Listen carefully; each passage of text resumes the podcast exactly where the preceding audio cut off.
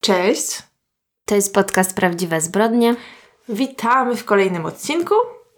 Dzisiaj nagrywamy w nietypowym czasie dla nas, bo w czwartek wieczorem, ze względu na święta, chciałyśmy mieć dla Was odcinek, bo już ostatnio była przerwa. Tak więc mamy nadzieję, że Wasze święta wielkanocne były udane. Przynajmniej dla większości pewnie to był jeden dodatkowy dzień wolnego, więc zawsze spoko. Tak. A jeżeli się izolujecie, to pamiętajcie, że macie okazję, żeby wypocząć, albo przynajmniej mieliście, więc zawsze jakiś pozytyw, tak myślę. Tak, więc my do Was mówimy z przeszłości, bo Tak, w ogóle szczerze mówiąc, ja tak zapominam o Wielkanocy. To są dla mnie takie jakieś nieświęta, w sensie No wiem. to jest zupełnie inna atmosfera, bo jeżeli chodzi o, o święta Bożego Narodzenia, no to jakoś tak bardziej na to czekam, bardziej się do tego przygotowuję, bardziej jakoś tak mi się to kojarzy ze spotkaniami rodzinnymi, a Wielkanoc właśnie oznacza dodatkowy wolny poniedziałek i przyznam szczerze, że w zeszłym roku podczas e, Wielkanocy, kiedy był lockdown, no to poza tym, że nie widziałam swojej rodziny, bo wszyscy siedzieliśmy w zamknięciu, to nie przeszkadzało mi to, że miałam trzy dni wolne. mm, no właśnie. Wręcz przeciwnie. Ja się w tym roku wyjątkowo cieszę na Wielkanoc, ponieważ e, w końcu będę mogła sobie pochillować z moją babcią, bo moja babcia już jest zaszczepiona i nie boi się widzieć ze mną. Także nie wiem, czy to jest dozwolone, ale utulę ją Bardzo dobrze, w bardzo dobrze. maseczce ewentualnie. Tak, pozdrawiamy, bo wiem, że twoja babcia czasami słucha, tak? No, powiem jej, żeby tego posłuchała zdecydowanie. No i co? Właśnie, ja chciałam tylko zaznaczyć, że jest mi super, super miło i było mi super miło w środę, kiedy, czyli wczoraj, kiedy tam wrzuciłam e, najnowszy odcinek i widziałam w komentarzach, że piszecie o tym, jak lubicie dygresję, Aha, albo że tak. wam było mało. Boże, to e, naprawdę było dla mnie tak miłe, jakoś tak e, poprawiło mi humor na cały dzień, więc bardzo dziękuję. Ja też, ja też dziękuję, też mi było miło. Fajnie, jak się tam em, przekrzykujecie w tym, kto bardziej lubi. No i też e, dziękujemy za wszystkie zębowe porady. tak, no, bardzo mnie to pocieszyło, że nie jestem jedyna z takimi nieidealnymi zębami.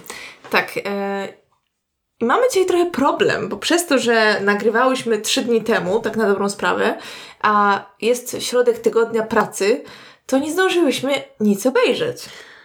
No, ja tylko mogę powiedzieć o tym, co jeszcze kiedyś tam oglądałam, bo ostatnio miałyśmy tyle tematów do omówienia, że zapomniałam o tym, ale Mhm. tak y, narzekałam na ten serial Ginny i Georgia, aż w końcu obejrzałam cały sezon. Ale to było dlatego, że jeszcze jakieś tam dwa czy ileś tam tygodni temu, kiedy ja to oglądałam, to miałam jakąś taką fazę na, nie wiem, robiłam ciasto, robiłam jakieś takie rzeczy, które pozwalały mi też oglądać w tle. Mhm.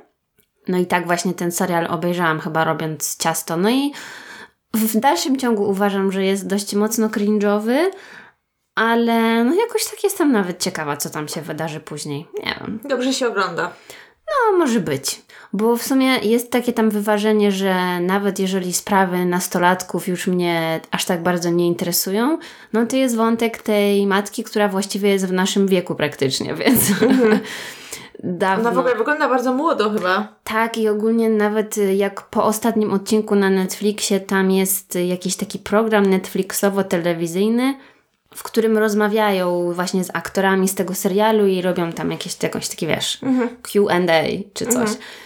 I to jest masakra, bo ta aktorka, która gra córkę, ona ym, podczas nagrywania tego serialu miała 21 urodziny, a ta aktorka, która gra jej matkę, jest koło 30, nie? Więc ogólnie one są praktycznie w tym samym wieku.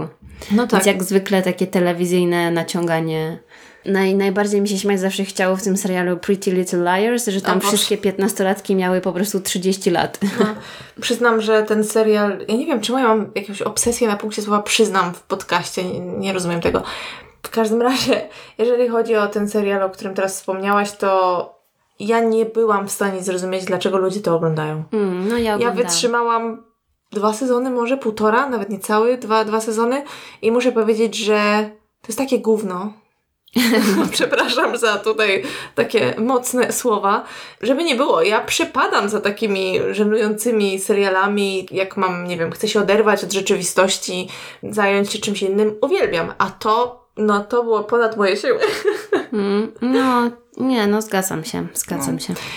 Ja jedyne, co w zasadzie ostatnio oglądałam, czym się może nie chwaliłam, to również wykupiłam sobie dostęp do playera TVN-u, O. ale tylko z jednego względu, żeby móc obejrzeć cały sezon Kuchennych Rewolucji, No, ja już obejrzałam. żeby zatrzeć jakiś ten niesmak, który miałam po odcinku, gdzie Magda po prostu wywlekała wszelkie problemy z życia.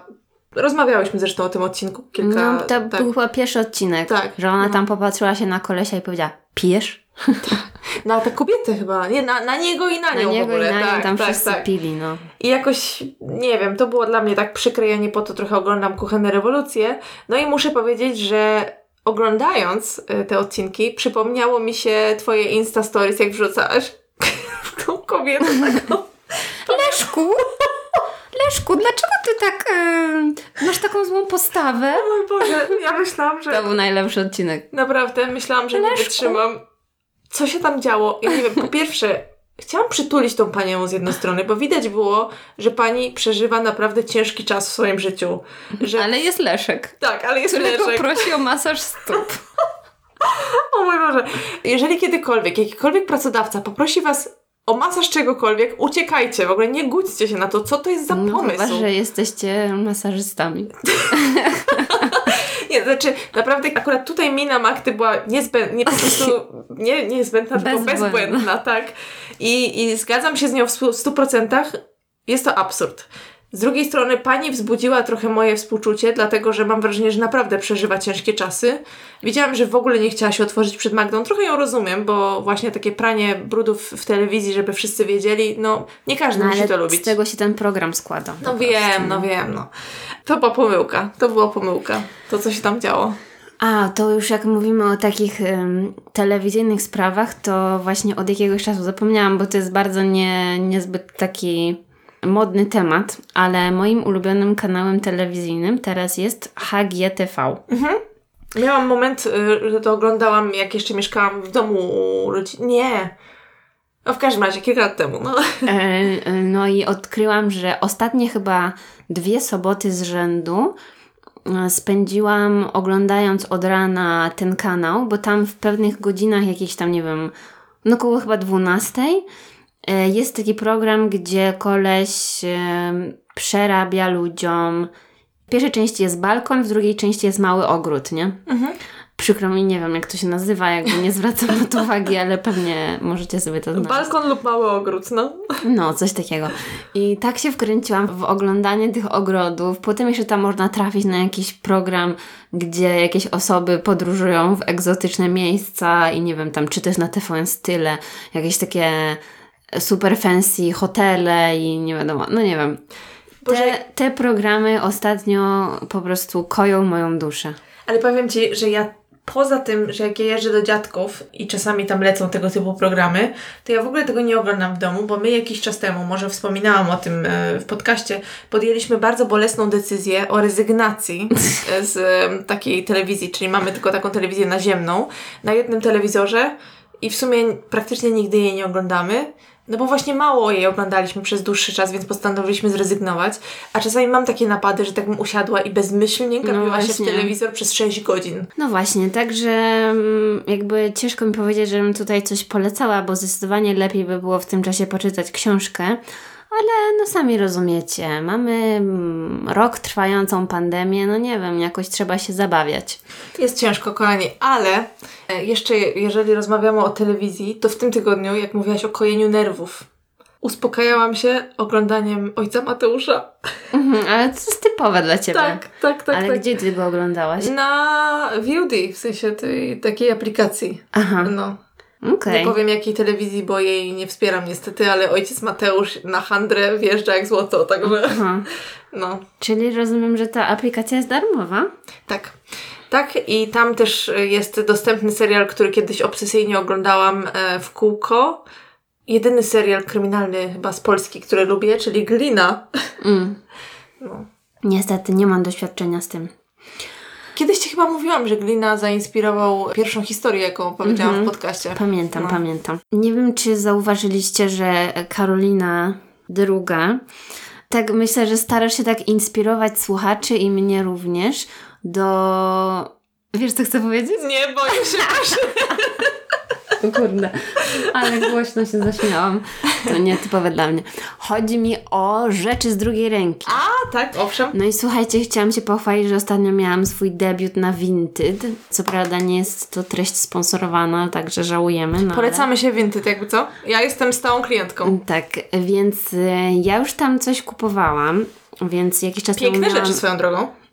E, Więc miałam już swój debiut, jeżeli chodzi o kupowanie, ale ostatnio postanowiłam coś sprzedać, bo tak sobie myślę, Boże, no w ogóle w tych moich ciuchach nie chodzę i nie wiem, jaki to jest sens je tam trzymać i bla bla bla. Więc wystawiłam jedne spodnie i jakoś tak one się rozeszły jak świeże bułeczki. Nie wiem o co chodziło. No i byłam cała podekscytowana tym, że muszę komuś wysłać moje spodnie. Po prostu cała się spociłam, nie wiedziałam w co je spakować i tak dalej. Jak wsadzić do paczkomatu, to było dla mnie po prostu wydarzenie tygodnia. Swoją drogą, zwroty w paczkomacie są tak wspaniałe. Tak. Paczkomat y, wydaje mi się, że to jest najlepszy wynalazek ludzkości, jaki mógł się wydarzyć. Zwłaszcza ta opcja, że można wysłać bez drukowania e- etykiety. Po prostu to jest niesamowite, bo ja zawsze mi brakuje drukarki, kiedy jej potrzebuję. A tutaj nie trzeba się tym przejmować. Tak, Więc tak. to też nie jest reklama paczkomatu. No i wracając, sprzedałam te spodnie z powodzeniem. No i stwierdziłam, dobra, skoro sprzedałam te spodnie, wystawię jeszcze coś. Wystawiłam, no może nie będę mówić, żebyście tam nie szukali, w każdym razie wystawiałam taką rzecz, w której może byłam z trzy razy w życiu, a mam już ją 10 lat i myślę, dobra, może czas się pożegnać. Mam tam jakby odwiedzin tego produktu może cztery osoby w przeciągu tygodnia. Także chyba coś jest nie tak, już nie mam szczęścia. To znaczy, to tak, mam porównanie, y, jak y, sprzedawało się ubrania na Vinted kilka lat temu, a jak sprzedaje się teraz. Teraz tam jest bardzo dużo rzeczy, przez co jest dosyć trudno. Takie mam wrażenie sama próbując czasami Właśnie sprzedawać. dlatego nie rozumiem, dlaczego te spodnie tak poszły, bo ani nie były jakieś super. Ale to jest wszystko kwestia produktu, bo powiem Ci, że mi się też to zdarza. Na przykład, kiedy kiedyś, nie wiem kiedy to było, kilka miesięcy temu chciałam odsprzedać, może nie powinnam tutaj tak e, mu przyznawać się, ale miałam rzecz z Zary, którą kupiłam, ale była w złym rozmiarze. Wydawało mi się, że. Bo to w ogóle to było dla mojej mamy. Nieważne, długa historia. W każdym razie, kupiłam coś, o czym zapomniałam, że powinnam to oddać. Mhm. I świeża rzecz z metką jeszcze ze sklepu, który często ludzie wyszukują, sprzedała się w 30 sekund. No właśnie. A kiedy masz coś, e, na przykład, nie wiem, zdarzyło mi się wystawiać jakieś koszule czy, no właśnie, czy to jest spodnie. koszula. Tak, to, to przyznam, że to zazwyczaj schodzi dłużej i to nie dlatego, że te rzeczy są, nie wiem, brzydkie czy, czy cokolwiek, czy zniszczone, bo jakby ja takich rzeczy nie, nie wystawiam, tylko po prostu no, ktoś już musi bardzo konkretną rzecz wyszukać, prawda? No, no i na Mhm. tym tylko to i wyłącznie polega, więc trzeba się uzbroić w cierpliwość po prostu. No dobrze. To może tak będzie, ale naprawdę byłam bardzo zdziwiona, bo nie sądziłam, że takie będzie zainteresowanie, bo wrzuciłam tam zwykłe jeansy, które mi się średnio podobały. Mhm. Także, no ale dobrze widocznie, że je sprzedałam. Gratuluję. Tak, I także... to jest wspaniałe uczucie, nie? E, No, i bo taka byłam hmm, hmm, hmm, zadowolona z siebie, bo jeszcze jacyś tam ludzie mi proponowali takie niskie ceny, bo tam jest też taka opcja, Tak, żeby zaproponować niższą cenę. Ja myślę, nie, nie będę tego sprzedawać, bo i tak one według mnie były tanie, Mhm. więc myślę, a poczekam. Mm, ale to jest, y, wydaje mi się, że to jest klasyk i jakby tym się nie należy przyjmować. Oczywiście ja tam zawsze chętnie negocjuję, że tak powiem, ale bez przesady też, nie? Do granic możliwości, bo mi się też zdarza ludziom proponować cenę, czy jak kiedyś na przykład korzystałam, jest to taka aplikacja do, mm, do sprzedawania niby cudzysłów dóbr luksusowych Vestier, to się nazywa, taka tam zagraniczna, to też mi się zdarzyło tam raz czy dwa coś kupić i też zdarzyło mi się proponować cenę, ale ja proponuję cenę o kilka procent niższą, a ludzie wysyłają po prostu No, czasami 50% tak, tak, tak mniej. absurdalne oferty, że już jakby bez jaj, prawda? No, no ale okej, no próbować można. Jakby może akurat, nie? I moja ulubiona wiadomość, e, czy można prosić zdjęcie na osobie? Tak, no właśnie to jest mój problem, bo, bo kiedy y, sprzedaję na przykład teraz sprzedawałam jakąś tam sukienkę, która była po prostu na mnie za mała i jak ja mam komuś zrobić zdjęcie na sobie? No, to jakby, jest takie co mam ją, dziwne. na jedną rękę mam ją włożyć? Jakby no, nie, nie jestem w stanie. Znaczy ja rozumiem, czemu ludzie o to proszą, natomiast y, jeżeli kiedykolwiek chcielibyście coś sprzedawać na Vinted, to bardzo polecam przygotować się, zastanowić się, jakiekolwiek wy pytanie moglibyście zadać No, i i wszystko wszystko, tam tam, wypisać, wpisać, no. bo i na bank się was o to zapytają, nie? Mi się wydawało, że wypisałam wszystko, jak sprzedawałam lewisy ostatnio takie, które sama kupiłam z drugiej ręki, ale kupiłam przez przypadek w złym rozmiarze, więc stwierdziłam, odsprzedam trochę taniej i tyle, niech dalej pójdą w świat. I, I wydawało mi się, że zmierzyłam wszystko, o co ja pytam, a potem się jeszcze okazało, że ludzie i tak mają dodatkowe pytania, no i jakby to rozumiem, Mhm. A nie? ktoś mnie zapytał, jaką szerokość mają kieszenie z tyłu. Ale wiesz co, z drugiej strony ja się śmieję, ale ja też kupuję spodnie tylko z określonym rodzajem kieszeni. No w każdym razie. Gratuluję sobie za swój sukces Tak. i możemy, myślę, przejść dalej. Ale też przy okazji możecie się pochwalić swoimi sukcesami tego typu. Tak. Dobra. To przechodzimy do historii mojej. To co dla nas dzisiaj przygotowałaś?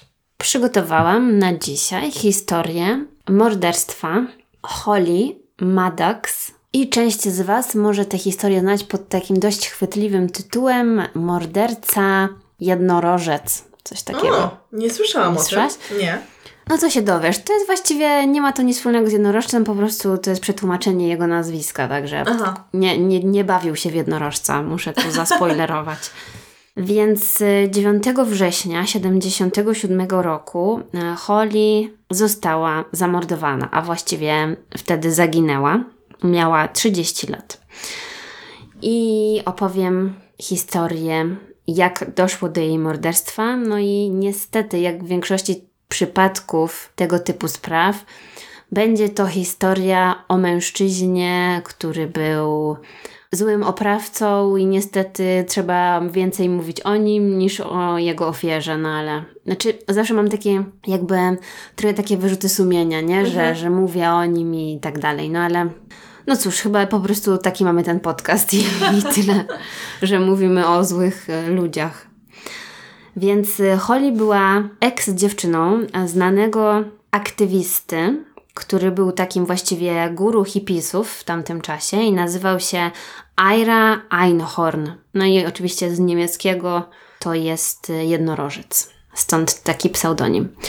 W roku 72 Holly poznała Airę, bo właśnie wtedy przeprowadziła się do Filadelfii i cała ta sprawa rozgrywa się w mieście Filadelfia. Holly pochodziła z miasteczka Tyler w stanie Teksas. Jej rodzina należała do takich bardzo tradycyjnych, typowych y, dla południa Stanów Zjednoczonych. Więc właściwie musiała bardzo długą drogę przebyć, żeby do tej y, Filadelfii się dostać. Więc y, domyślam się, że ona chciała odetchnąć od tej swojej konserwatywnej rodziny, no bo miała zupełnie inne przekonania. Więc przeprowadziła się prawie że na drugi koniec kontynentu do stanu Pensylwania. Urodziła się w roku 47 i była najstarsza z piątki dzieci, także to była dość duża rodzina. Mieli szczęśliwe dzieciństwo, miała jednego brata i resztę sióstr. Wszyscy mówili, że jak była mała, no to lubiła zwierzęta, w szczególności konie, że interesowała się sztuką, tańczyła też, była cheerleaderką w szkole, była też prymuską w szkole, więc miała bardzo dobre wyniki i była jakby pewna siebie i wiedziała, co chce w życiu osiągnąć. I w roku 65 poszła właśnie na uniwersytet, który znajdował się na przedmieściach Filadelfii. No i rok 65, no to właściwie taki ciekawy czas w historii, bo już wtedy właśnie te ruchy około hipisowskie się zaczęły tworzyć. No i dla niej, która pochodziła z konserwatywnej rodziny i z małego miasteczka i nagle przeniosła się na drugi koniec kraju i była sama spuszczona ze smyczy wśród y, swoich rówieśników i mogła, wiesz, wyzwolić się, to na pewno musiało być dla niej bardzo ekscytujące. Właśnie dlatego, że wtedy tworzyły się różne ciekawe ruchy studenckie, te hipisowskie, no i ona miała taką humanistyczną, artystyczną duszę i na pewno była bardzo ciekawa tego całego świata. Po skończeniu studiów przeprowadziła się do Filadelfii i 7 października 1972 roku zupełnie przypadkowo poznała Airę w restauracji. No i tak jak już mówiłam, Aira Einhorn, poza tym, że był aktywistą, to był po prostu lokalnym celebrytą, bo on był takim przedstawicielem tego ruchu pokój i miłość i wszyscy jego najbardziej kojarzyli, po prostu był najbardziej rozpoznawalny. On pochodził z żydowskiej rodziny, z klasy średniej, urodził się w roku 40, pochodził z Filadelfii.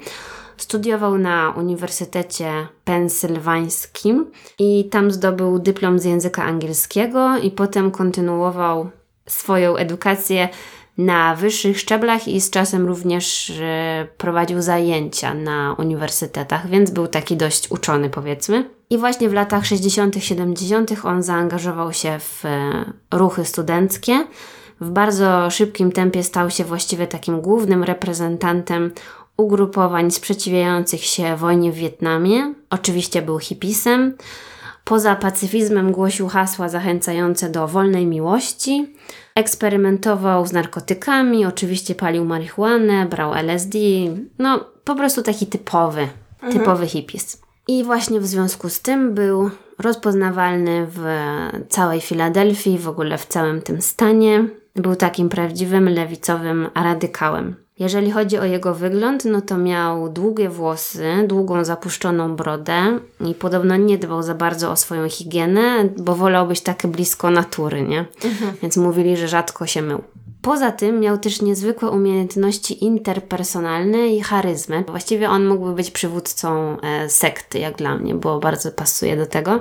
Skupiał wokół siebie ludzi, imponował też osobom wysoko postawionym i dzięki temu właśnie miał kontakty w różnych ważnych instytucjach wśród właśnie wpływowych ludzi. Nie tylko w stanie Pensylwania, ale w ogóle w całej Ameryce, więc on był naprawdę taki, w tych kręgach był naprawdę sławny.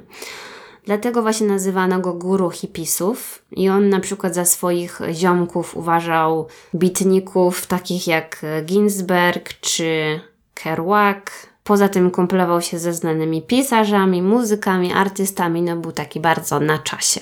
Do jego kręgu znajomych należał również założyciel partii Youth International Party, czyli to byli Yippies. Więc ogólnie dla mnie do tej pory to wszystko brzmi jak bardzo ciekawa postać, prawda? Bo jakby, no nie wiem, mnie to takie ruchy kontrkulturowe zawsze interesowały.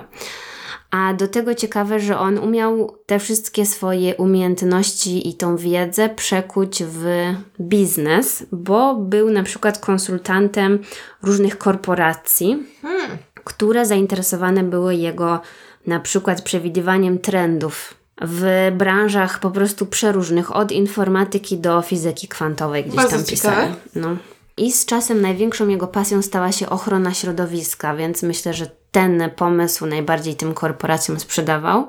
I w tym temacie właśnie stał się najbardziej radykalny, bo sprzedawał tym wielkim korporacjom pomysły na to, jak ocalić planetę, jak mogą być bardziej ekologiczni i tak dalej. Więc poza tym wtedy to był też bardzo modny temat, więc na pewno wszyscy chcieli jakoś tam się do tego odnieść. No i kojarzycie Dzień Ziemi, mhm. Mm, więc on podobno był jednym z założycieli w ogóle tego Dnia Ziemi, który pierwszy raz odbył się w kwietniu 70 roku w Woodstocku.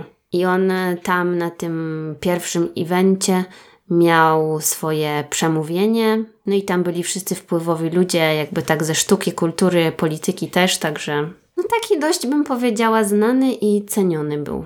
Odnosił sukcesy właściwie w każdej dziedzinie, naukowo również, bo w 1977 roku był na przykład stypendystą na Harvardzie.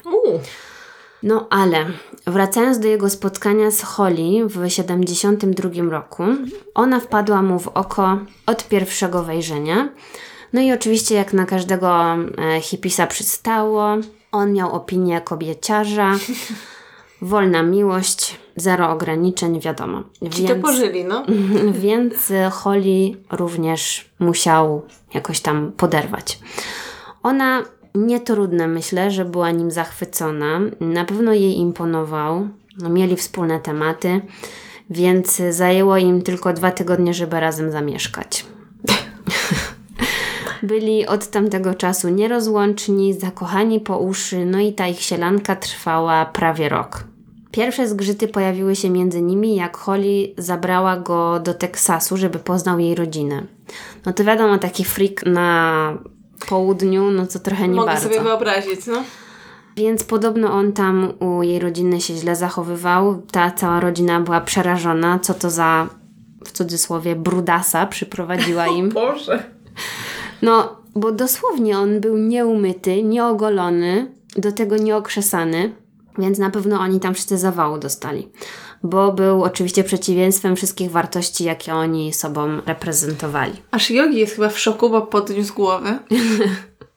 No i wiadomo, to mogłyby być jakieś światopoglądowe różnice, ale problem był w tym, że on nawet nie starał się zrobić dobrego wrażenia. Ze wspomnień rodziny wynika, że e, był dla nich chamski. Rodzina Holly też twierdzi, że zabraniał się jej z nimi spotykać, że jej rozkazywał, że był bardzo zaborczy. Ale domyślam się też, że to jest po prostu relacja rodziny, która go bardzo nie lubiła, no i ale bardzo możliwe, że po prostu tak było i na pewno nie starał się zrobić dobrego wrażenia. Wyobrażam sobie to tak, że on po prostu czuł się od nich lepszy, nie? Że, No właśnie tak sobie myślałam, że pewnie patrzył na nich z góry. Tak, że pff, co wy wiecie? Wy wierzycie w Boga, pff, wiesz. Joki, cicho tam. No ale to doprowadziło też do poróżnienia między Holly i Irą, no bo Holly coraz ciężej było sobie z tym wszystkim poradzić, więc postanowiła zasięgnąć pomocy terapeutki. Ta pani terapeutka wypowiadała się w serialu dokumentalnym. Nie wiem właściwie, jak to jest e, dla niej takie mm, legalne, no ale może to się rozwiąże, kiedy zakończę historię. W każdym razie ta pani terapeutka wypowiadała się, mówiła, że Holly jej się zwierzała z na przykład bardzo agresywnych upodobań seksualnych Airy, które dla niej były zbyt ciężkie. Holly mówiła, że on miał skłonności do gwałtu. Znaczy, ja bym, mieć skłonności no do gwałtu? właśnie, ja bym nie powiedziała, że to były skłonności, tylko że po prostu był bardziej gwałcicielem i tyle, ale pewnie bała się to jakoś nazwać. No po prostu znęcał się nad nią, a Holly na tym etapie nie potrafiła sama wyjść z tego związku. Dodatkowo znajomi Holly również z tamtego okresu wspominali ją po prostu z siniakami na ciele, że on nawet się nie, nie przejmował tym, żeby uderzyć ją w miejsce, które można by było ukryć, tylko ona chodziła z ranami na ciele widocznymi. To straszne, Boże. No, po prostu stopniowo, stopniowo zmieniało się to w bardzo przemocowy związek, że mówił jej, co ma robić, jak ma się ubierać. No, typowy, typowy taki oprawca po prostu. No i też znajomi Holly mogli zauważyć zmianę w jej charakterze, bo z czasem stała się coraz bardziej zamknięta w sobie, taka stłamszona i to też na pewno była wina e, jego, takiego panowania nad nią. I w końcu w roku 77 to było jakoś mniej więcej po pięciu latach, odkąd e, zaczęli być razem, pojechali na wakacje do Europy i tam musiało wydarzyć się coś, co po prostu przelało czarę. Po powrocie z Europy Holly zdecydowała, że od niego odchodzi. I koniec. Poinformowała o tym swoich znajomych, wszyscy o tym wiedzieli, kibicowali jej. I 1 sierpnia Holly jest w Nowym Jorku, zatrzymała się tam, żeby przeczekać sytuację i poczekać na nowe mieszkanie, które miała mieć w Filadelfii. I w ogóle okazało się, że ona już w tym czasie miała nowego chłopaka. E, nie wiem, jak tam to szybko się wydarzyło. W każdym razie związała się z Solem Lapidusem. Znaczy zrobiłam ten dźwięk, bo domyślam się, że e, drugi główny bohater historii nie był zachwycony tym faktem. Tak, oczywiście. Więc ona właśnie u tego swojego nowego chłopaka się zatrzymała tam w Nowym Jorku i podobno spędziła bardzo miły miesiąc, bo w Nowym Jorku właściwie nikt nie wiedział, że ona tam jest poza tym chłopakiem. i że w końcu poczuła się wolna, mogła odetchnąć, wiesz, nikt tam jej nie dyszał nad głową i nie mówił, co ma robić, jak się ubierać i tak dalej. Ale niestety we wrześniu Aira dowiedział się, gdzie i z kim przebywa Holly. Oczywiście był wściekły, że uciekła od niego do innego mężczyzny i znalazł jakoś tam numer telefonu, zadzwonił do mieszkania tego Sola i po prostu zażądał porozmawiania z Holly przez telefon. Podczas tej rozmowy musiał takiej nagadać, że ona się strasznie przeraziła, bo groził jej. I głównym powodem, dlaczego ona go posłuchała, jest to, że powiedział, że wszystkie jej rzeczy z mieszkania wyrzuci na śmieci. A ona nie miała nic ze sobą, więc no domyślam się, że nie chciała nagle wszystkich nowych rzeczy sobie kupować, które są jej potrzebne do życia. No i pamiątki, takie rzeczy, prawda?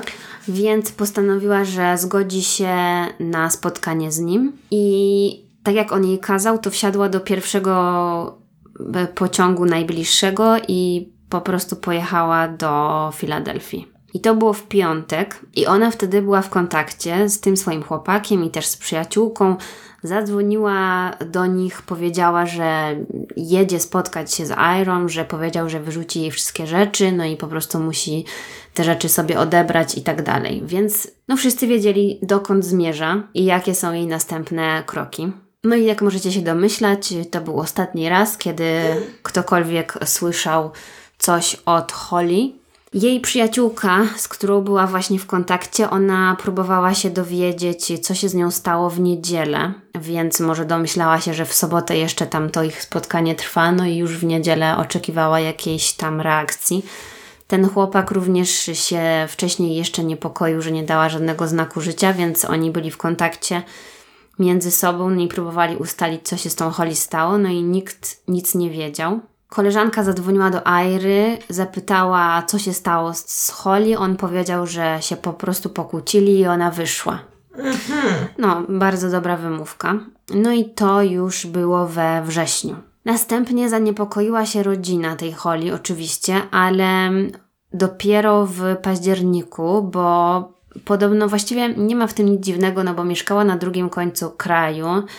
Na pewno się nie komunikowali codziennie. E, więc oni przywykli też do tego, że ona podróżuje i może być jakoś tam mhm. nieuchwytna, ale problem był w tym, że ona nigdy nie zapominała o urodzinach swoich najbliższych, a w październiku były urodziny jej mamy i jej siostry. I oni po prostu nie wierzyli, że ona by nie wysłała im żadnej kartki urodzinowej albo nawet, żeby nie zadzwoniła. No, oczywiście jest to zrozumiałe.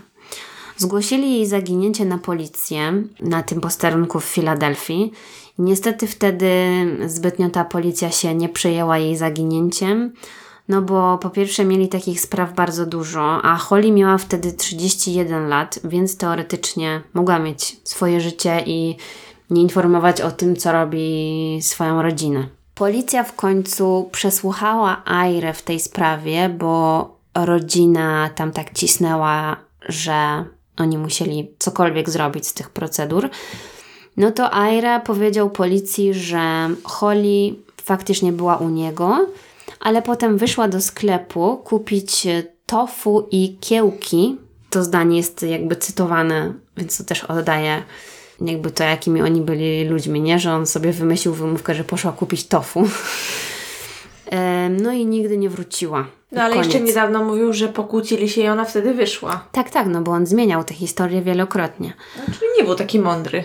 Więc jakby policja zatrzymała się na tym i dalej były święta Bożego Narodzenia, no i rodzina dalej nie usłyszała oczywiście żadnego kontaktu od Holly, a że oni wszyscy byli religijni, no to święta zawsze spędzali razem i to było wciąż nietypowe bardzo, żeby ona nawet na święta się do nich nie odezwała.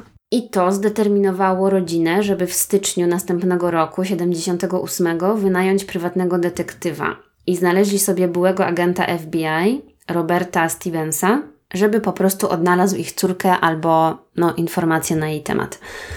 Detektyw oczywiście od razu udał się do Airy, chciał z nim porozmawiać, ale ten nie miał czasu, był zajęty kręceniem jakiegoś programu telewizyjnego. On po prostu żył sobie w najlepsze, nie miał żadnych zmartwień.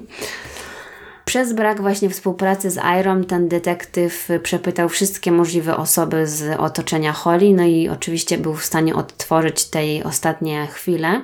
No i wiadomo, do czego go to doprowadziło. A w tym czasie Ira właśnie przeżywał kolejny szczyt swojej sławy, bo teraz, jak już mamy rok 78, to on zmienił trochę swoje zainteresowania na New Age.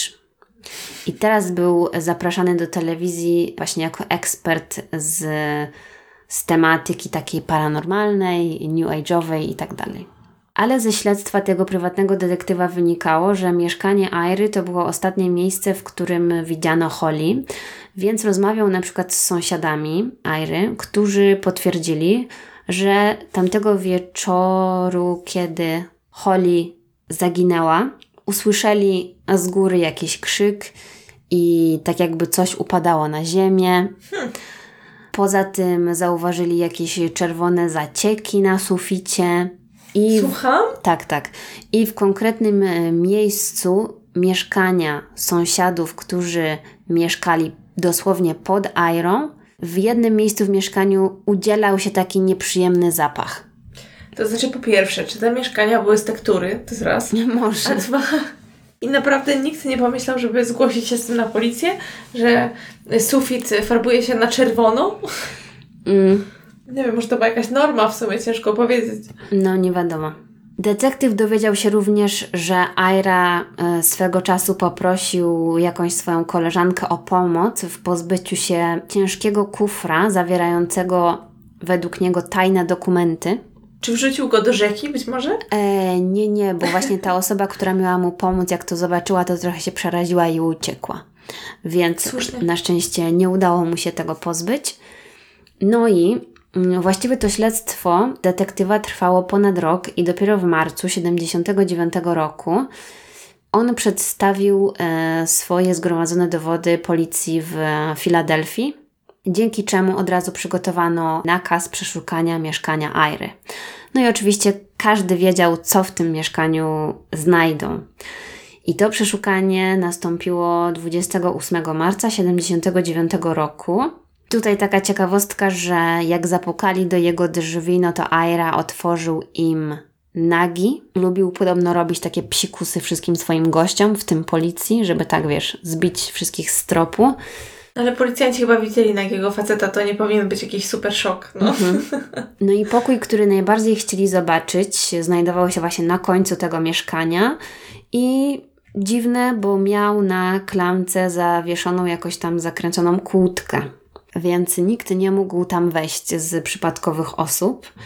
No i był to taki składzik zapchany pudłami, ale znaczący był tam taki duży kufer. Idealne miejsce do schowania ciała.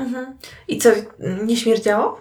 No na pewno trochę tam się mierdziało, ale nie wiem jak mocno.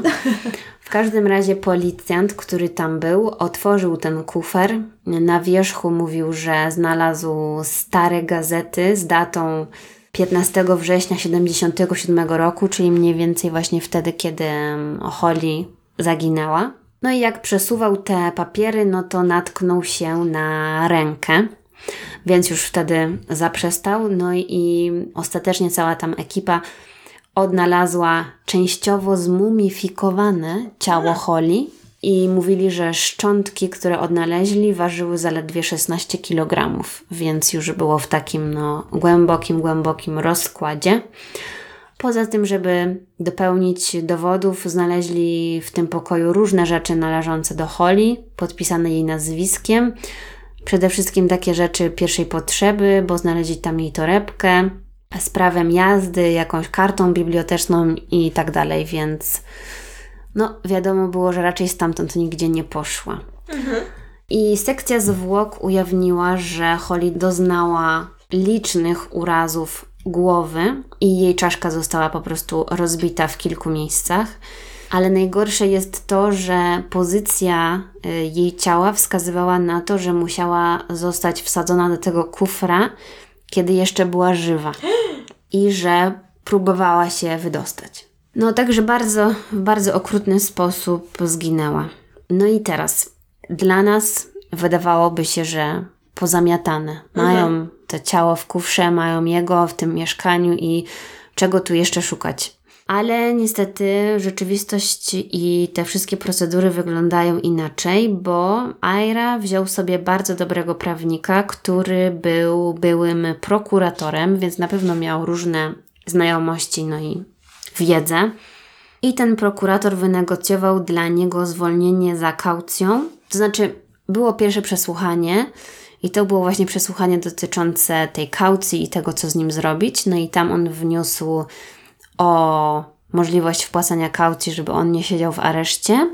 I wynegocjował dla niego, to było 3 kwietnia 1979 roku, kaucję w wysokości 40 tysięcy dolarów, co uważam, niska, że jest bardzo no. niską kaucją. I skandaliczne jest to, że pozwolili tylko wpłacić 10%. Komuś, komu się dobrze powodziło? Tak, więc ostatecznie za 4000 dolarów e, nie musiał siedzieć w areszcie, tylko mógł sobie chodzić na wolności. I tę kwotę zapłaciła jego bogata przyjaciółka, która nazywała się Barbara Bronfman, która jeszcze później przez długi czas wspierała go finansowo, bo znali się z, e, ze swoich em, paranormalnych zainteresowań, więc tak jak mówię, on miał bardzo wpływowych znajomych, którzy zawsze byli chętni mu pomóc. Dzięki temu, że zapłaciła kaucję, no to Aira mógł robić co chce. Opowiadał wszystkim o swoją wersję wydarzeń i właśnie jego wersja wydarzeń była taka, że CIA oczywiście chciało go wrobić w to morderstwo. On wymyślał bardzo różne historie, już nawet nie chce mi się o tym e, mówić, ale na przykład e, zgłosił, że ktoś włamał się do jego mieszkania, podrzucił mu kufer, kiedy go nie było i tak dalej. No wiesz, jakieś takie wszystkie absurdalne rzeczy wymyślał i mówił, że to jest CIA albo FBI, bo po prostu państwo chce go zgładzić, bo on jest, wiesz, za dużym ryzykiem, że po A, prostu... wrogiem systemu, tak? Tak, że, że on wie za dużo i że po prostu oni muszą go zniszczyć. No, także takie były jego wymówki. W oczekiwaniu na proces, Aira na przykład wyskoczył sobie do Kanady, co nie sądzę, żeby było legalne. Fajna wycieczka, no. Prawdopodobnie do tej swojej bogatej przyjaciółki. I już kiedy zbliżało się do procesu, to on zaczął prosić wszystkich swoich wpływowych znajomych, żeby wysyłali za niego listy, jakby potwierdzające, że on jest dobrą osobą i tak dalej. W sensie chciał namówić ludzi do tego, żeby stali za nim. Bo musiał dostać jakieś informacje, że policja ma na niego naprawdę twarde dowody i wystraszył się i użył swoich po prostu znajomości do tego, żeby ratować swoją dupę i z Kanady uciekł do Europy. I to było w roku 81, bo na ten proces e, właściwie on długo musiał czekać, prawie dwa lata. Uważam, że tak naprawdę potraktowano go zbyt pobłażliwie na tej pierwszej rozprawie, bo tak jak e, mówiłam, bardzo dużo wpływowych osób zaangażowało się w to, żeby stanąć w jego obronie i jakby podobno sam sędzia był trochę taki onieśmielony tym, wiesz, że mówił, że nigdy nie wiedział tyle wpływowych osób e, na rozprawie i tak dalej, że nie wiem, może pod presją zgodził się na tą kaucję. Tak jak mówiłam, on też był bardzo charyzmatyczny, więc być może po prostu dał się oczarować. No i w ten sposób zignorowali niebezpieczeństwo po prostu ucieczki. No bo wiadomo było, że ten Aira jest na tyle arogancki, że on nie pozwoli e, się zamknąć w więzieniu, będzie, będzie szukać jakiejś innej opcji. Oczywiście ta jego ucieczka i wyprawy po wszystkich europejskich krajach to jest totalnie osobna historia, więc postaram się to jakoś trochę zwięzić. Możecie sobie o tym poczytać i obejrzeć parę filmów, bo jest film dokumentalny na YouTubie dostępny z Crime Investigation. Poza tym jest też film fabularny The Hunt for the Unicorn Killer, który też możecie sobie obejrzeć. A my idziemy dalej. I dodam jeszcze, że właśnie jak e, wiadomość o tej zbrodni wyszła na samym początku do, do prasy, do gazet tam w Filadelfii, no to oczywiście całe społeczeństwo było w szoku, bo jednak to było troszeczkę zaprzeczeniem e, tej całej e, persony, w którą oni wierzyli czy tam podziwiali, prawda? No bo to miał być pacyfista, a nagle okazuje się, że zatłukł swoją dziewczynę. Mhm. Więc wszyscy byli tym bardzo zainteresowani i to była taka, wiadomo, historia numer jeden w prasie bo on ukrywał jej ciało w swoim mieszkaniu przez półtora roku, mhm. więc to naprawdę jest dość no, dziwne. Więc on z tej Kanady poleciał najpierw do Anglii. Mm. Ale wiesz, bardzo dziwne, nie był w stanie unieść 16 kg? Mm, wiesz co, wydaje mi się, że na początku to ważyło więcej tak, na tak, pewno. Tak, ja wiem, tylko po czasie, nie? Ale Jakby... z czasem może no. już po prostu stwierdził, że wiesz, jak niektórzy ludzie tak mają, że jeżeli coś ignorują, to znaczy, że tego nie ma. To prawda, no. To on ten kufer wsadził do szafy, zamknął, nałożył kłódkę na drzwi i udawał, że to nie istnieje. Mhm. Myślę, że to, to było jego rozwiązanie tej Pewnie sytuacji. masz rację. Więc tak jak mówię, on najpierw poleciał z Kanady do Anglii, no i zostawił właściwie wszystko za sobą, zerwał wszystkie kontakty z ludźmi, ale miał wtedy dziewczynę. Ona nazywała się Jean-Marie Morrison i z nią przeniósł się z Londynu do Dublina. No i właściwie przez nią policja była w stanie jakoś tam ich kroki śledzić, ale oczywiście deptali mu po piętach przez bardzo, bardzo długo. Wiadomo, że w latach 80. to nie było tak, że, że ktoś miał ze sobą telefon komórkowy, mhm. który działał jako nadajnik, tylko trzeba było naprawdę tak manualnie ludzi szukać. Więc nie było to proste zadanie, ale dowiedzieli się, że w lutym 81 roku Aira z tą swoją dziewczyną wynajęli mieszkanie w Dublinie. Hej! Próbuję się po łóżku podrapać. I właścicielem tego mieszkania był pewien profesor fizyki, który oczywiście nie wiedział o tym, że wynajął swoje mieszkanie podejrzanemu o morderstwo ale Aira czuł się tam bezpiecznie, ponieważ w tamtym czasie Irlandia nie miała podpisanej umowy o ekstradycję ze Stanami Zjednoczonymi, więc nawet jakby ktoś go odnalazł, to nic by mu nie mogli zrobić. I tak się złożyło, że ten profesor wyjechał na wycieczkę do Stanów, tam dowiedział się, kim jest tak naprawdę jego lokator, więc po powrocie przeraził się i chciał się tego człowieka pozbyć, ale nie wiedział, co ma zrobić Poinformował policję o tym. Policja jedynie pomogła mu wygonić go z mieszkania, ale wciąż policja irlandzka nie mogła właściwie nic z tym Irom zrobić. Więc tutaj odezwał się do tego profesorka pan detektyw z Filadelfii. Nawiązali kontakt i powiedział, że jeżeli będziesz coś wiedzieć, no to daj mi znać. I dobrze się złożyło, bo w roku 84 USA podpisało jakąś umowę o ekstradycji z Irlandią i wtedy ym, policja z Filadelfii była gotowa po prostu jechać tam i aresztować go natychmiast. No ale oczywiście nie wiedzieli, gdzie on jest, bo mhm. nagle zapadł się pod ziemię. No wiadomo. Zmienił nazwisko, rozkręcił karierę na uniwersytecie w Dublinie, był uwielbiany przez studentów i tak dalej. No, Kiedy on to zdążył zrobić? No dobra. No, no to już jest y, trzy lata po tym, jak e, przyjechał do Dublina. I mijają kolejne lata. W roku 86 właśnie ten wspomniany profesor spotkał go przypadkowo właśnie na tym uniwersytecie i dał cynk tym ludziom z Filadelfii, że on jest tu i tu, musicie po niego przyjechać, ale kiedy już policja była gotowa, żeby go aresztować, to on rozpłynął się w powietrzu. I no, muszę powiedzieć, że to trwało dość długo. I w międzyczasie, po pięciu latach, ta jego dziewczyna Jean-Marie, ona wróciła do Stanów, bo rozstali się. I właśnie prawdopodobnie ona po tym rozstaniu postanowiła też współpracować z policją i powiedziała im, że Aira się kontaktuje z tymi i tymi osobami i że może jest tu i tu, no i dzięki temu oni mieli już kolejne jakieś tam tropy do sprawdzenia. Dowiedzieli się, że Aira związał się ze Szwedką, która nazywała się Anika i znowu po tej Anice byli w stanie go namierzyć, no bo on już po raz kolejny zmienił nazwisko. Przez to, że Anika była Szwedką, to oni zaangażowali policję ze Szwecji, namierzyli jego mieszkanie w Sztokholmie, ale znowu, zanim tam przybyli, to on już zniknął, bo znowu ktoś musiał mu dać cynk. Także mhm. gonili go po prostu po całej Europie. Następnie po tym zdarzeniu przez 5 lat ślad po nim zaginął i kolejny update mamy w roku 93, więc już jest y, w trasie od ilu? 12 chyba lat. Strasznie mnie wkurza ten typ, no. I tak, 93 rok, 12 lat od jego ucieczki i wtedy zmieniło się prawo karne w Pensylwanii, dzięki czemu tamtejsze władze mogły przeprowadzić proces in absentia, czyli bez obecności tego oskarżonego na procesie. Co jest dosyć dziwne, ale oni to zrobili. Więc y, we wrześniu 93 roku rozpoczął się jego proces w Filadelfii.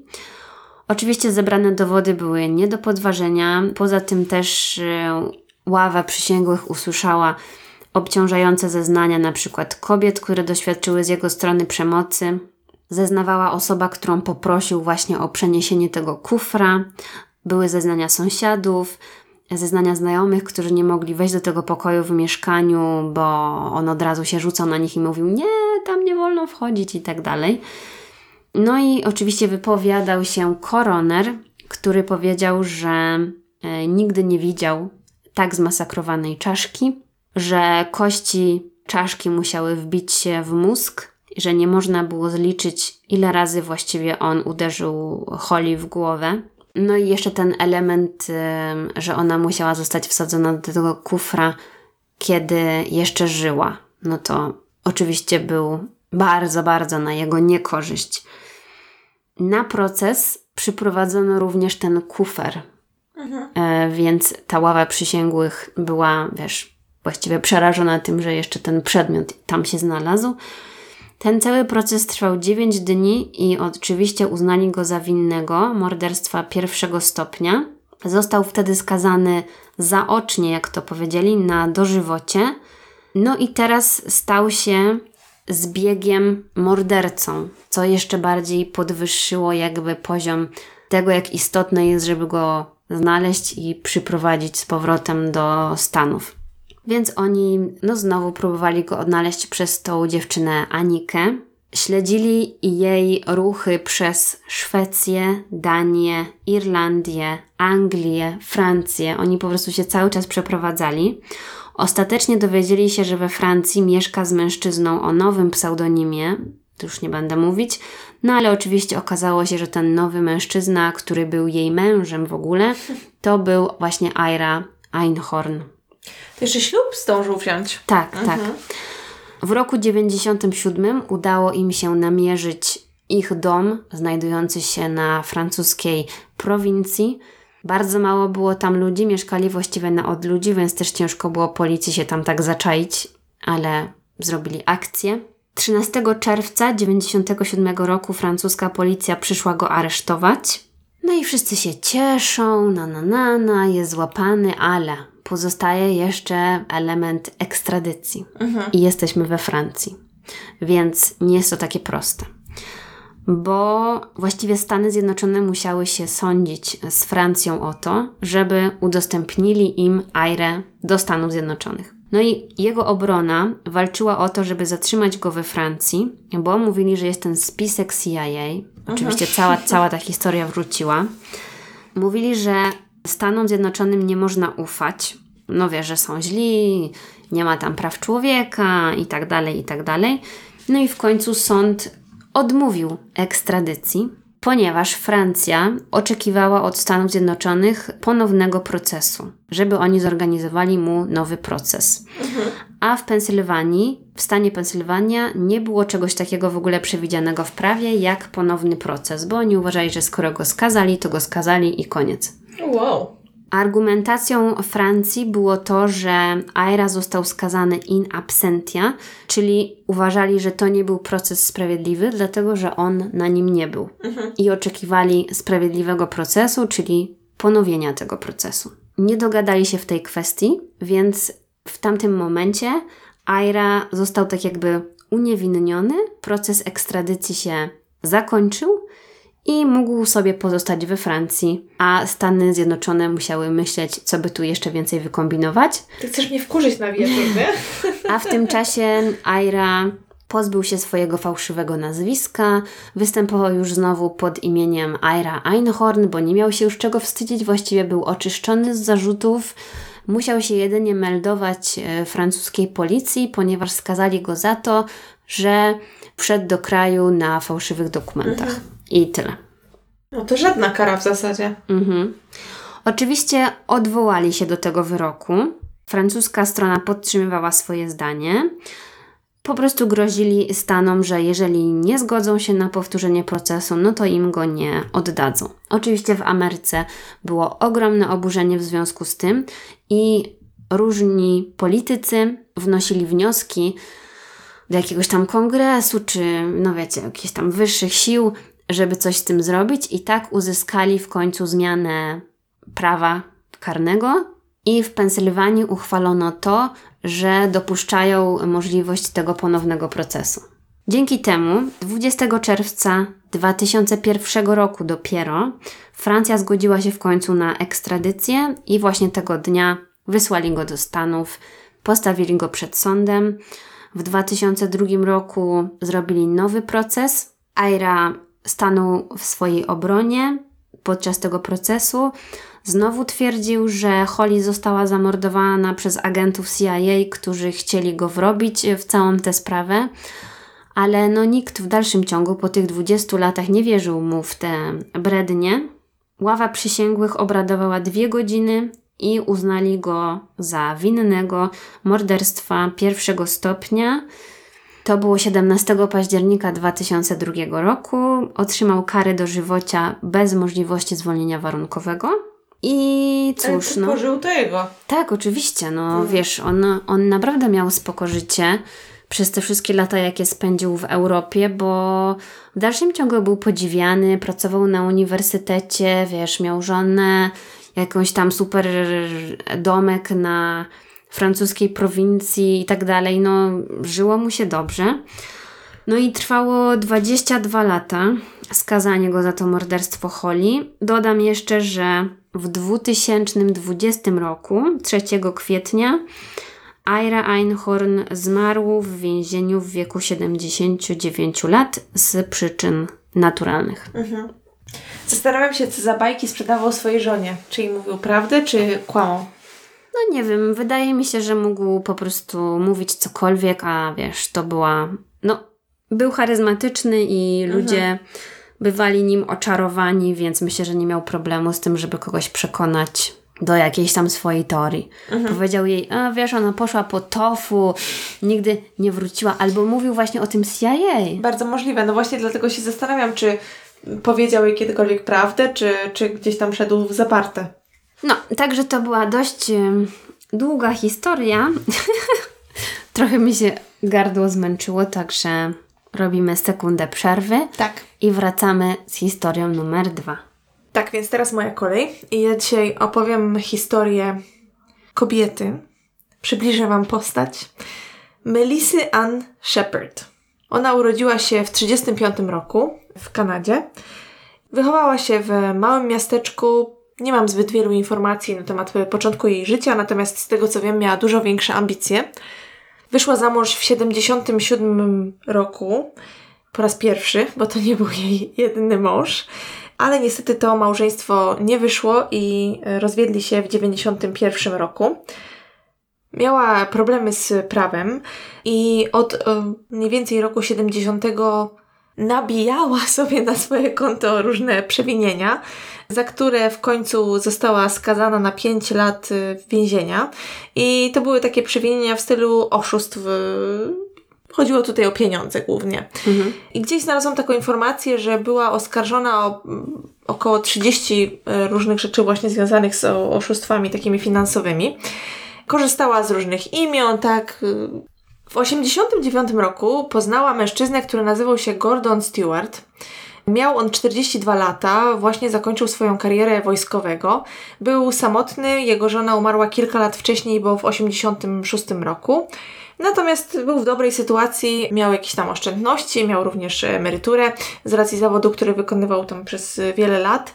No ale tak jak wspomniałam, był samotny, więc e, gdy poznał Melisę, myślał, że czeka go nowe, wspaniałe życie. Melisa przedstawiała się mu jako chrześcijanka, osoba bardzo wierząca. Właśnie patrzę na swoje notatki i widzę, że sobie napisałam osoba bardzo wisząca, także mój słownik działa świetnie. W międzyczasie, kiedy oni się poznali, do rodziny Gordona zaczęły docierać różne informacje na temat kłopotów z prawem, jakie miała Melissa. Natomiast Gordon się tym nie przejął. Wzięli ślub w Las Vegas, mimo to, że ona wtedy, kiedy się poznali, jeszcze oficjalnie była żoną kogoś innego, tak? Tak jak wspomniałam, Aha. ona ten rozwód wzięła chwilę później, już po tym, jak poznała Gordona. I następnie zamieszkali w Charlottetown. To wszystko nie zrobiło na Gordonie większego wrażenia. W pewnym momencie rodzina zaczęła zauważyć, że z Gordonem dzieją się niedobre rzeczy. Zaczął bardzo dużo pić, przez co miał kłopoty z prawem. Podczas różnych badań, które mu wykonywano właśnie chociażby na obecność alkoholu, okazywało się też, że on w swoim organizmie miał dużo narkotyków. E, z banku zaczęły znikać pieniądze, no chociażby mogło się to dziać ze względu na właśnie jego nowo nabyte nałogi. Znalazłam gdzieś taką informację, że miało dojść do napaści Gordona właśnie na Melisę, przez co oni stracili kontakt ze sobą na jakiś czas, ale potem Melisa znowu jakby sama zaczęła się gdzieś tam z nim kontaktować. E, I w pewnym momencie ustalili, że zmienią otoczenie i przeprowadzili się do Dartmouth. Zamieszkali w nowym mieszkaniu. I po około tygodniu, z tego co pamiętam, od tej przeprowadzki, Melissa zgłosiła się na policję twierdząc, że została zgwałcona właśnie przez Gordona i przy okazji wspomniała również, że śmiertelnie go potrąciła. Tak. Co? Policji wydało się to trochę dziwne, że y, jakby nie została na tym miejscu zdarzenia, tak, że, że nie wiem, poszła sobie i po kilku godzinach zgłosiła gwałt, plus, że przyjechała z y, Gordona. Ona miała właśnie tą swoją wersję, że Gordon ją napadł, że ją zgwałcił a ona wtedy chcąc uciec, kiedy on wysiadł z samochodu, bo udali się na przejażdżkę, kiedy e, tam właśnie miało dojść do napaści, i kiedy on wysiadł z samochodu, żeby skorzystać z toalety za tym samochodem, to ona wślizgnęła się na miejsce kierowcy, no i pomyliła biegi i wrzuciła wsteczny, przejeżdżając go. Mhm. Twierdziła, że myślała, że jest to jakiś tam pień czy kawałek drewna i w ogóle nie patrzyła, nie rozglądała się, zmieniła bieg, pojechała do przodu i uciekła jakby z tamtego miejsca. Mm, sprytnie. E, kiedy zbadano ciało Gordona, okazało się, mm, dzięki badaniom toksykologicznym, że miał on w organizmie bardzo dużo alkoholu i narkotyków, i w zasadzie mm, osoba, która te badania wykonywała, stwierdziła, że była to dawka śmiertelna. Hm. Ciężko było policji uwierzyć, że on w takim stanie, w zasadzie no agonalnym, że ledwo mógłby się, nie wiem, ruszać czy mówić, byłby w stanie jeszcze na nią napaść. Mhm. Dodatkowo ponoć wykonali badania właśnie na Melisie i stwierdzono, że do żadnego gwałtu nie doszło. Natomiast znalazło się też dwóch świadków, którzy byli na miejscu zdarzenia, widzieli właśnie jak Melisa potrąca Gordona i ucieka z miejsca zdarzenia. Sprawa trafiła do sądu w mieście, które nazywa się Halifax w Nowej Szkocji i została ona oskarżona o morderstwo. Natomiast miała ogromne szczęście, bo mimo właśnie tych świadków, którzy byli na miejscu zdarzenia, bo najpierw oczywiście oskarżono ją o morderstwo, a później zmieniono to oskarżenie i została skazana za pozbawienie życia, tak? Za manslaughter zamiast za murder. Mhm. I dzięki temu tak naprawdę w więzieniu siedziała tylko dwa lata, bo w 94 roku pozwolono jej wyjść wcześniej z więzienia. A w ogóle ona świetnie wykorzystała swój pobyt w więzieniu, dlatego że stała się taką przedstawicielką kobiet, które zabiły swoich oprawców, można powiedzieć. Mhm. E, dlatego, że ona też wystąpiła w takim e, dokumencie, który się nazywał When Women Kill. I właśnie w tym dokumencie opowiada o tym, co ją spotkało, i tam mówi, że w dniu, kiedy udała się z Gordonem na przejażdżkę, w dniu, kiedy e, on zginął, on miał grozić jej nożem, że zrobi jej krzywdę, właśnie w zasadzie siłą, tak, groźbami zaciągnąć ją na tą przejażdżkę, następnie ją napaść i potem właśnie ona uciekając y, przez przypadek go zabiła. Mhm. Oczywiście tego typu zeznań nikt nie kwestionował. E, z tego co rozumiem, ludzie jej wierzyli. Ona po tym, jak wcześniej wyszła, jak ją wypuszczono, tak wcześniej z więzienia, to występowała w mediach, opowiadała o tym, co się jej stało. No i była taką przedstawicielką maltretowanych kobiet, które zabiły swojego oprawcę. I jakoś tak źle mi się o tym mówi, bo jednak jak ktoś mówi, że zrobiono mu krzywdę, to ja wierzę, tak? No ale niestety tutaj z Melisą jest pewien problem i zobaczycie, im będziemy szli dalej w las, tym będzie gorzej. I, I jeżeli rzeczywiście Melissa kłamała na temat tej sprawy, to uważam, że wyrządziła wszystkim innym ofiarom bardzo dużo y, krzywdy. Jest to no, okropne. W każdym razie. Można powiedzieć, że nie wiem, może chciała być jakąś celebrytką, ciężko stwierdzić, ale właśnie bardzo chętnie występowała i opowiadała o tym, co się jej zdarzyło. Po jakimś czasie, bo w roku 2000 poznała Roberta Friedricha i on również był wdowcem. Jego żona umarła bodajże rok wcześniej. Również był samotny. Kiedy się poznali, miał 82 lata i bodajże trójkę dzieci. I oni poznali się dzięki wierze, bo to ich łączyło i poznali się na Florydzie. I widziałam różne wersje, bo w jednej, w jakichś tam źródłach, chyba nawet na Wikipedii, mówili o tym, że oni się poznali na jakiejś e, stronie internetowej, takiej do randkowania dla osób wierzących, dla chrześcijan. E, W innym widziałam, że to było na jakimś takim wyjeździe, na jakimś zjeździe e, wierzących, ale to jakby jest tutaj mało ważne. W każdym razie poznali się tam i Melissa twierdzi, i tak też wynika z jej wypowiedzi w wywiadach, że kiedy zobaczyła Roberta, to Bóg jej powiedział, Mm. że czuła obecność Boga i słyszała, Bóg jej przekazał y, informację, że to właśnie Robert ma zostać jej mężem. W ten Czyli sposób. miłość od pierwszego wejrzenia. Tak, i właśnie w ten sposób się y, poznali. Zaręczyli się, jak wynikało z jednego z y, dokumentów, które widziałam, po trzech dniach od poznania się. Robertowi ponoć zależało na tym, żeby ten związek pobłogosławiły jego dzieci.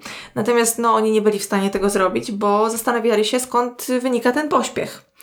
I właśnie też y, w programie, o którym przed chwilką wspominałam, wypowiada się jeden z synów Roberta i on powiedział, że myślał sobie i tak też chyba powiedział swojemu ojcu, że albo jest z nią coś mocno nie tak, albo ma jakieś problemy, albo ma tutaj jakiś ukryty motyw. Tak, żeby tak bardzo śpieszyć się ze ślubem. Natomiast ojciec odpierał jakby te zarzuty, mówiąc, że no jest już w podeszłym wieku i chciałby wziąć ten ślub, póki jeszcze może. Pamiętajmy o tym, że niedawno został wdowcem, że y, bardzo kochał swoją żonę, na pewno no, czuł się okropnie samotny, tak? Bo jego dzieci mieszkały, z tego co wiem, jego rodzina była na przykład w Bostonie, tak? A on był na Florydzie, no więc y, rozumiem, że mógł czuć się samotny. Wzięli ślub po miesiącu narzeczeństwa, a następnie udali się na pięciomiesięczną podróż poślubną. No kurczę. Tak, Fajnie. y, ta podróż y, zakończyła się rejsem po Karaibach. Myślałam, że powiesz, zakończyła się śmiercią. Nie, nie. Y, Wydali na nią dziesiątki tysięcy dolarów z, z tego, co czytałam i słyszałam właśnie w tych y, programach. A następnie, po tym jak już zakończyli te swoje wojaże, osiedlili się w domu Roberta na Florydzie. No i tutaj bardzo szybko Robert zaczął czuć się coraz gorzej. Jego rodzina zauważyła, że bardzo często ląduje w szpitalu z powodu różnych urazów, które były skutkiem upadków. A on był wcześniej w bardzo dobrej formie fizycznej, więc wydawało im się dziwne, że nagle ich ojciec jest w stanie ledwo stać na nogach, tak? I się przewraca, gdzie tylko może i, i co chwilę trafia właśnie z różnymi urazami z tego powodu do szpitala. Jeden z y, synów Roberta miał skontaktować się z agencją, która się nazywała Elderly Abuse Agency, Aha. a ta miała stwierdzić, że Robertowi przydałaby się opieka 24 godziny na dobę. Na co Melissa miała zareagować bardzo agresywnie i nawet y, wysłać, y, czy też zostawić bardzo nieprzyjemną wiadomość głosową jednemu właśnie z, z synów Roberta. I miała też zagrozić tej agencji, jak wynikało właśnie z, z wywiadu z synem w jednym z programów, który widziałam, pozwem. Mhm. W tej wiadomości miała mówić, że to, co miało zostać w spadku dla synów po śmierci Roberta, pójdzie na rzecz jakiejś organizacji chrześcijańskiej, a całą resztę dostanie ona. Tak się chyba z rodziną nie rozmawia. No właśnie, e, zwłaszcza z rodziną, która po prostu martwi się o swojego tatę, tak? Który nagle zaczyna upadać i robić sobie krzywdę. I oczywiście, no tak się dzieje. Ludzie w różnym wieku chorują, zwłaszcza osoby starsze, no ale domyślam się, że to też nie jest tak, że dzieje się to z dnia na dzień, zazwyczaj, tak? Mhm. I po kilkunastu miesiącach od ich ślubu niestety Robert umiera. Po tym jak Robert umarł, Melissa jeszcze przez kilka miesięcy mieszkała w jego domu na Florydzie. W pewnym momencie postanowiła go sprzedać. Zyskała też jakieś pieniądze z ubezpieczeń na życie, jakie miał wykupione Robert. I miała na tym zarobić około 100 tysięcy dolarów. Wkrótce później, i tutaj też widziałam różne informacje, w, w jakichś źródłach widziałam 2003 rok, w innych widziałam 2005, ale jakby tutaj to jest nieistotne. Wkrótce później Melissa poznała kolejnego mężczyznę. Tym razem e, poznała go przez internet. Ten pan miał na imię Alex i miał 70 parę lat. Również był samotny i właśnie szukał szczęścia w internecie.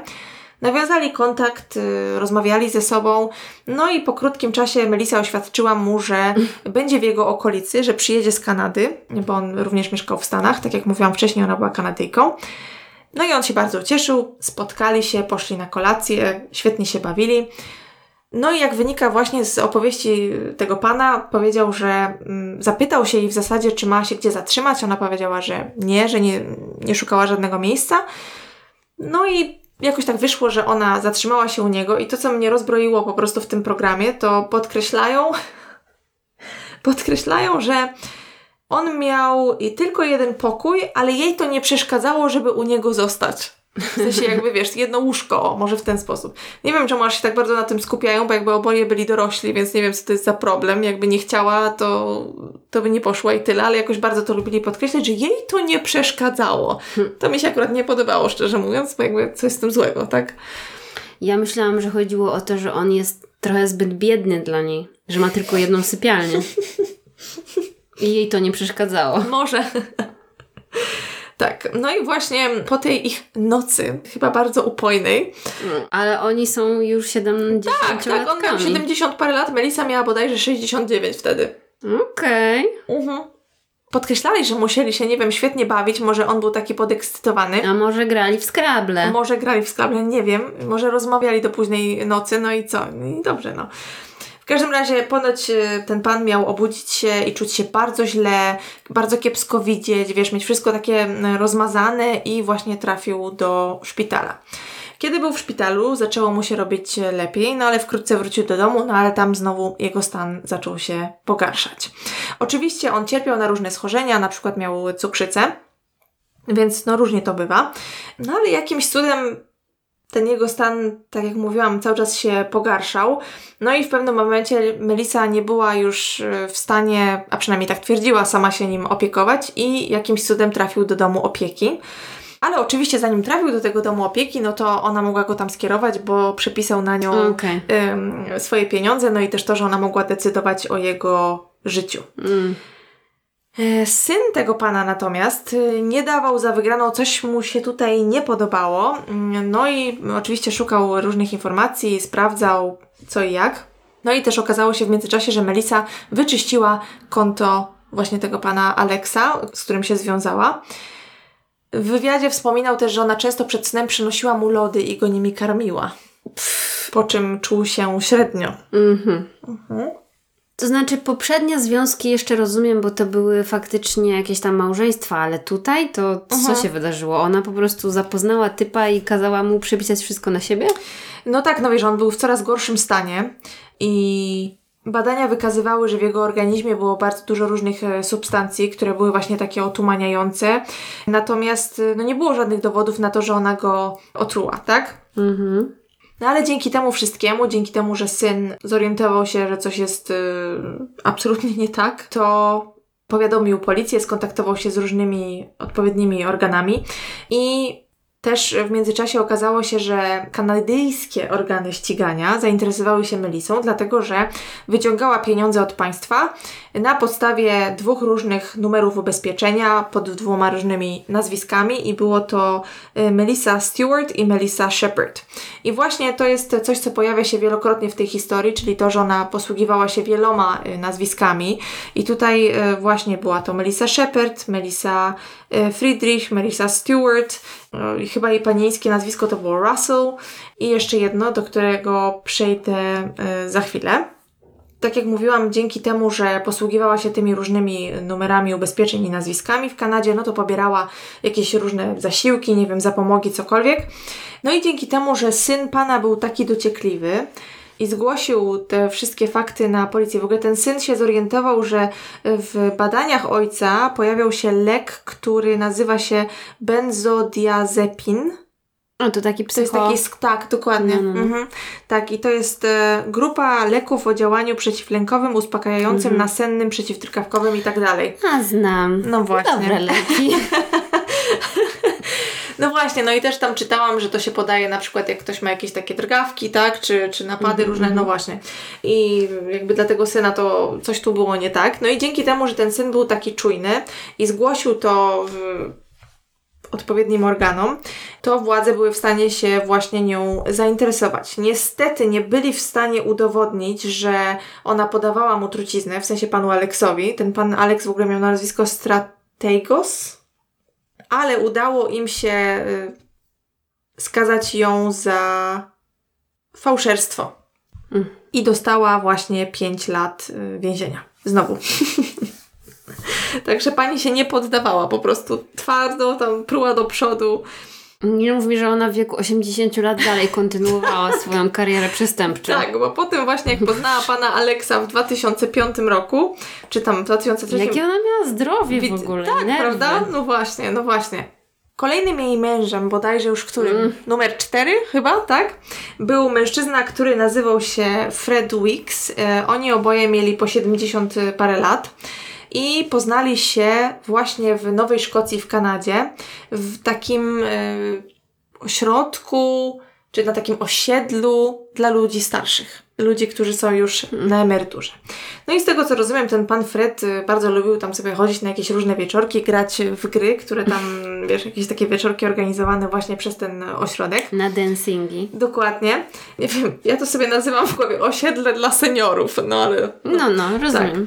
I poznał ją bodajże, kiedy ona się tam wprowadzała i potrzebowała pomocy z jakimiś tam różnymi e, rzeczami, tak, z przeniesieniem jakichś różnych rzeczy, które miała. Po raz kolejny sprawiała... Że mi zawołała do tego, żeby ktoś jej przenosił, nie wiem, tam szafę 70-letniego pana. Nie, domyślam się, że to bardziej chodziło, nie wiem, wiesz, o koszulki w walizce, nie? Czy coś w ten desen, no. Mhm. Te miejsca są pewnie już umeblowane, tak zakładam, no nie wiem. nie byłam nigdy, ale no. Po raz kolejny sprawiała wrażenie osoby bardzo religijnej. No i tak y, wkrótce po zapoznaniu się zaczęli się ze sobą spotykać, czyli chadzali na te różne dancingi i spotkania, wieczory gier wspólnie już jako para. Y, Spędzali czas y, chodząc na kawki, na różne przejażdżki, no a Melisa bardzo szybko poruszyła temat y, ślubu. Y, Ja nie mogę. Jakby y, to jest może wiadomość dla wszystkich y, tutaj naszych słuchaczy, że Mhm. życie nie kończy się po 30. Ależ zdecydowanie. Nie kończy się po 40, nie kończy się po 50, po 60 też nie. Można żyć bardzo tak malowniczo do setki. To jest ten dobry wniosek z tej historii. Em, tak. No i oczywiście wzięli ślub i postanowili pojechać e, w podróż poślubną najpierw chyba do Stanów, natomiast potem zmienili e, swoje plany, bo Melisa niby tam nie miała paszportu, cokolwiek. Zapomniała. Była tak. W każdym razie, nie, to jest akurat właśnie też znowu e, informacja z programu dokumentalnego, już Wam powiem jak on się nazywa. Nie, nie powiem jak, nie powiem Wam jak on się nazywa, w każdym razie zapiszę nazwę w, e, w opisie. Tam na dole. Tak. I właśnie tam powiedzieli, że e, ona niby miała zapomnieć paszportu, dlatego zrezygnowali z tej wycieczki i postanowili popłynąć e, promem do Nowej Funlandii. No i ogólnie wyszło tak, że Fred bardzo mało pamięta z tej wycieczki. No to Dlatego- fajnie było. Tak. I ponoć było tak, y, że z tego promu to trzeba było go w zasadzie wynosić. On był w takim stanie, że też po prostu, wiesz, ledwo widział, ledwo chodził, ledwo się ruszał. No i właśnie prosto z tego promu y, pojechali do takiego pensjonatu, tak, czegoś, co się nazywa bed and breakfast i tam spędzili noc. Z tego, co mówiła Melisa, wynikało, że oni oboje bardzo źle przeżyli podróż tym promem, że tam, wiesz, było ciężko, nie wiem, pewnie ich mocno bujało i po prostu spędzili całą noc na wymiotach, dlatego tak źle wyglądają. Natomiast z wypowiedzi pani, która prowadzi to bed and breakfast, wynikało, że Melisa wcale źle nie wyglądała, tylko Fred. Doszło już do tego, że Melisa stwierdziła, no, że w sumie może warto byłoby wziąć Freda do lekarza, ale najpierw to ona zje śniadanie, bo pewnie długo będzie w tym szpitalu siedzieć. No i na to, na całe szczęście, pani właścicielka bed and breakfast powiedziała, nie no, ja wzywam pogotowie, już nie będę czekać na, wiesz... No ale nie wolno poważnych spraw załatwiać, kiedy jest się głodnym. Ja to Oczywiście, rozumiem. ja też tak myślę, dokładnie, dokładnie. No i, właśnie Fred trafił do szpitala, no i szybko okazało się, że był podtruwany. E, no ale w tym czasie Melissa zdążyła już przenieść się do innego hotelu, gdzie właśnie znalazła ją policja, z tego co rozumiem. Fred, jak zrozumiałam, miał wiele dzieci, bo tam chyba piątkę czy szóstkę, e, z żoną, która właśnie też umarła tam po 50 paru latach małżeństwa, również był samotny. No i dlatego pewnie też się tak ucieszył i tak chętnie wziął z nią potajemny ślub. Mhm. No i właśnie z wywiadu z tym mężczyzną, z tym Fredem, wynikało, że ona prawdopodobnie dosypywała mu y, tych samych leków do kawy, którą mu robiła. No ale znowu udało jej się uciec przed karą, dlatego, znaczy może nie zupełnie, ale została skazana nie za próbę morderstwa, tylko za podawanie jakichś substancji. I dzięki temu została skazana na niecałe 3 lata więzienia. I to miało. Ogólnie w czepku urodzona. No można tak powiedzieć, bo jest to dla mnie niesamowite, że jest kobieta, która jest podejrzewana, no bo na przykład dzieci tego, tego faceta, który, y, pana Gordona, no to też były pewne, zwłaszcza jak jej syn tam opowiada o tym, że znalazł informacje na jej temat pod jednym y, z jej wielu nazwisk, jak goglał, no to po tym jak on jej przeczytał właśnie chociażby o tym, jak przejechała tego swojego drugiego męża Gordona, no to był pewien, że ona zrobiła krzywdę jego ojcu, mm -hmm. tak? Niesamowite to jest dla mnie, że y, była podejrzana o tyle morderstw mężów i jakby za każdym razem w zasadzie można powiedzieć, że jej się upiekło, bo dostała 5 lat, odsiedziała 2, tak, dostała, no, no jakby to jest trochę śmieszne, jakby. Mm, tak, tak, tak. Została wypuszczona w 2016 roku, w marcu i w kwietniu 2016 roku była widziana w bibliotece, korzystając z komputera. Natomiast y, było to chyba wbrew jej wyjściu z więzienia, dlatego że ona miała zakaz korzystania z urządzeń yy, takich, które mają dostęp do internetu. Bo ona pewnie chciała nowe konto sobie założyć na sympatia.pl. Tak, tak. Natomiast no mimo to, że została oskarżona o złamanie warunków jej wyjścia z więzienia, to udało im się jej wybronić z tego. No i z tego co rozumiem dalej jest na wolności. Nie znalazłam żadnych innych informacji na jej temat. Ale wspominali w wielu źródłach, że ona była taką osobą, która potrafiłaby przekonać wiele osób do tego, co mówi, a poza tym y, też mówiono, że jest bardzo duże ryzyko, że ona po wyjściu po prostu ponownie no, tak, będzie tak, tak. oszukiwać, tak. że to jest no, taka osoba i, i koniec. Ale najbardziej mnie w tym wszystkim y, zabolało, bo oczywiście nieprzyjemnie mi się bardzo oglądało ten program dokumentalny, którego nazwę wpiszę y, w opisie, Dlatego, że dziennikarz, jak ją przepytuje, jak ona była w więzieniu, no to wypytuje o ten domniemany gwałt, tak? O którym ona mówiła. Znaczy w ogóle mówienie domniemany gwałt jest, nie zgadza się ze mną mówić takie rzeczy.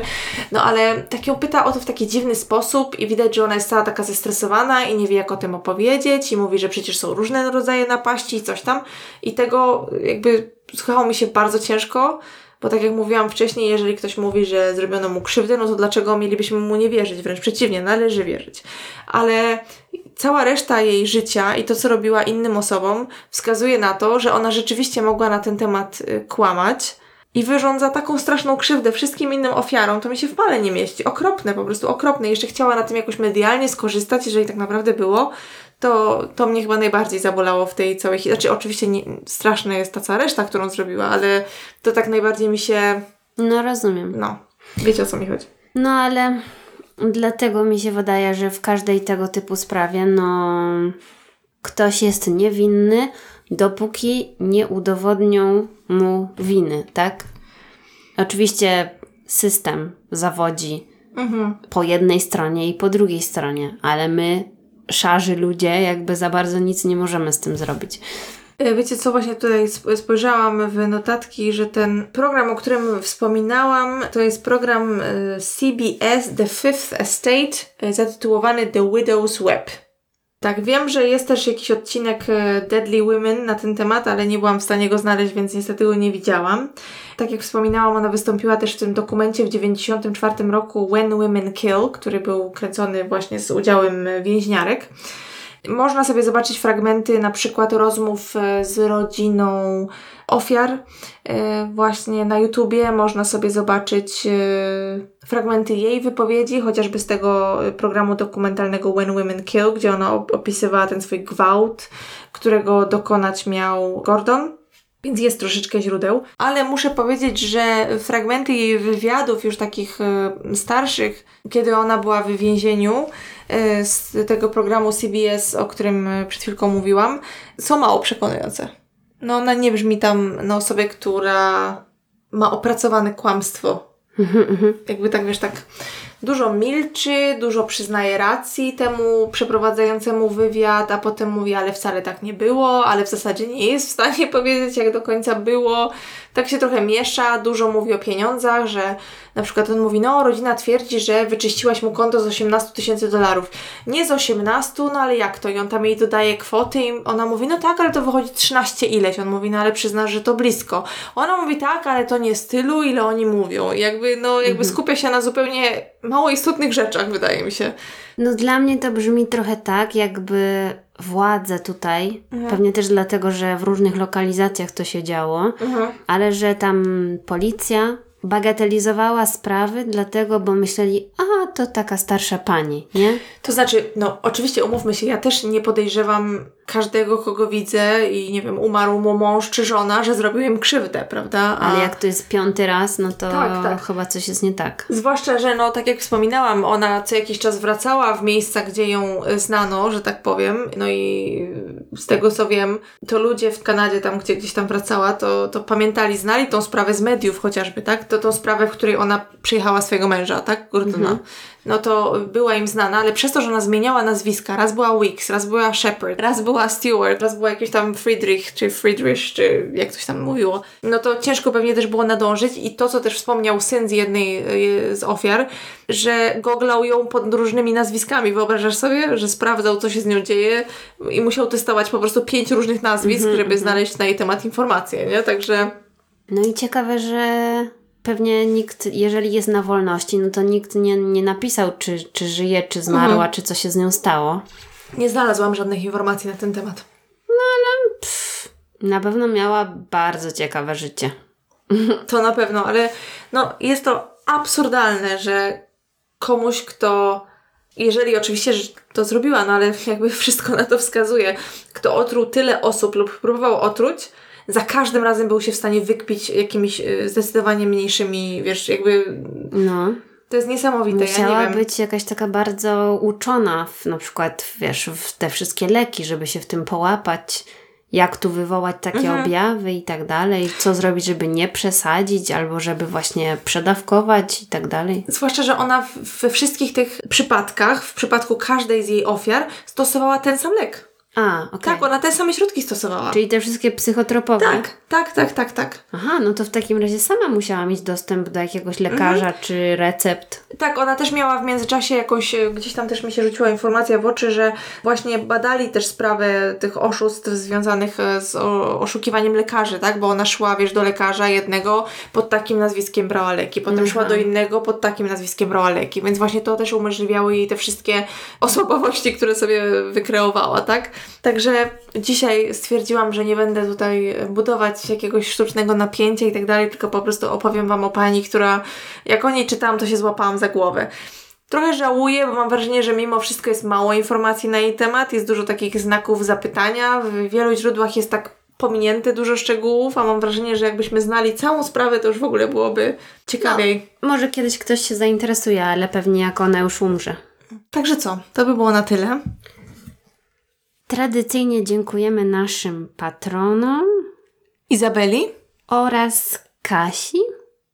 Jak zwykle dziękujemy Wam za wsparcie i do usłyszenia za tydzień. Do usłyszenia.